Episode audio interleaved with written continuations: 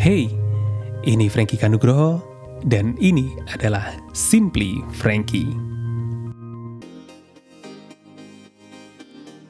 Selamat datang kembali dengan Frankie di sini.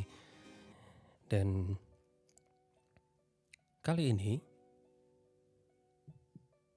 lagi-lagi mengucapkan selamat malam.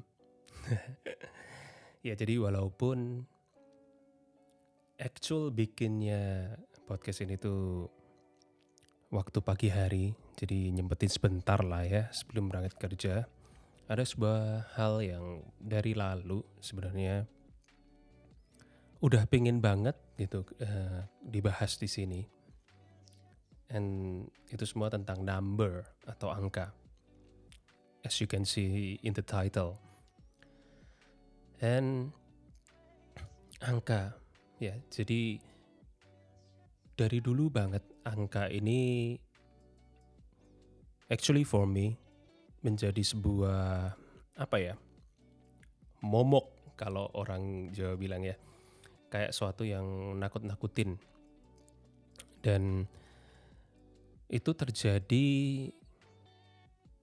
bahkan waktu mulai awal-awal sekolah aku ingat dulu itu kita semua di sekolah itu masih berbicara soal peringkat atau ranking di kelas. Dan ya, memang angka sejatinya diciptakan manusia untuk uh, apa ya, kayak sebagai alat ukur ya, alat ukur yang bisa kelihatan tuh uh, apa namanya nilainya itu berapa. Jadi somehow kadang-kadang penilaian itu kan bisa subjektif banget ya. Dan salah satu untuk menjadi objektif itu adalah dengan menersembahkan dengan angka. Dan serangkaian dari angka-angka ini membantu manusia untuk menilai sesuatu. Dan walaupun turns out kita tahu bahwa angka itu bukan segalanya. Dan waktu kecil waktu itu aku sempat uh, merasa takut gitu. Takut kalau satu dapat nilai yang jelek di sekolah. Yang which sebenarnya kan nilai sekolah juga bukan segala-galanya bukan nilai hidup kita yang sebenarnya. Dan itu juga yang membuat aku jadi punya keinginan untuk mengejar itu. Tetapi Untungnya, jadi sebelum menyadari akan hal tersebut lebih lagi, pada waktu kelas 2 SD, itu menjadi kenang-kenangan buat aku. Jadi itu for the first time, aku menduduki peringkat satu di kelas. And for the last time also. Sejak saat itu nggak pernah. Dan I think aku jadi selamat dari sana karena nggak lagi melihat nilai itu sebagai sesuatu yang segala-galanya. Itu baru awalnya sih, walaupun di dalam perjalanannya masih kayak terikat gitu dengan angka. Dan uh, pada akhirnya juga kita paham bahwa tidak semua teman-teman yang memiliki nilai yang bagus di sekolah itu adalah mereka yang sukses saat ini. Karena juga tidak semua yang mendapatkan nilai baik di sekolah itu juga karena nilai yang sebenarnya. Kadang-kadang ada yang hanya mengejar nilai kayak aku dulu itu kayak, oh kalau ada tes, belajar, kejar nilai yang baik, habis itu sebenarnya uh, yang dikejar cuma itu, bukan ilmunya. Dan lagi-lagi setelah mendapatkan nilai yang baik, misalkan, ilmunya dengan mudah aku lupakan karena actually bukan suatu yang mungkin aku suka tapi terpaksa for the sake of the number itself. Dan juga ada orang-orang yang mendapatkan nilai bagus dengan nyontek atau ngerpek gitu ya.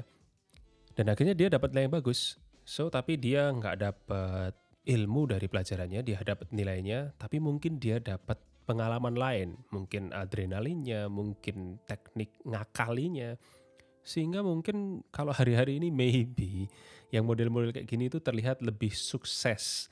Nah, ini lagi suksesnya juga melalui ukuran angka sehingga mungkin mungkin saja ketika yang dikejar soal angka akhirnya ya karena standar kita menilai sukses itu oh, berapa penghasilannya, berapa tabungannya, berapa investasinya, berapa asetnya dan sebagainya. Dan memang kelihatan sukses itu angkanya gede-gede, angkanya tinggi-tinggi. Nah, yang di sini pingin aku bahas itu apakah angka itu benar-benar mendefinisikan sesuatu? Apakah angka mendefinisikan kekayaan? Apakah angka mendefinisikan contohnya aja di dalam pembicaraan beberapa hari lalu dengan seorang teman. Jadi memang belakangan itu kita uh, aku dan istri lagi apa uh, mengurangi makan ya. Jadi mengurangi makan, pengen nurunin berat badan. Dan nurunin berat badan itu ya lagi-lagi targetnya adalah value atau angka ya.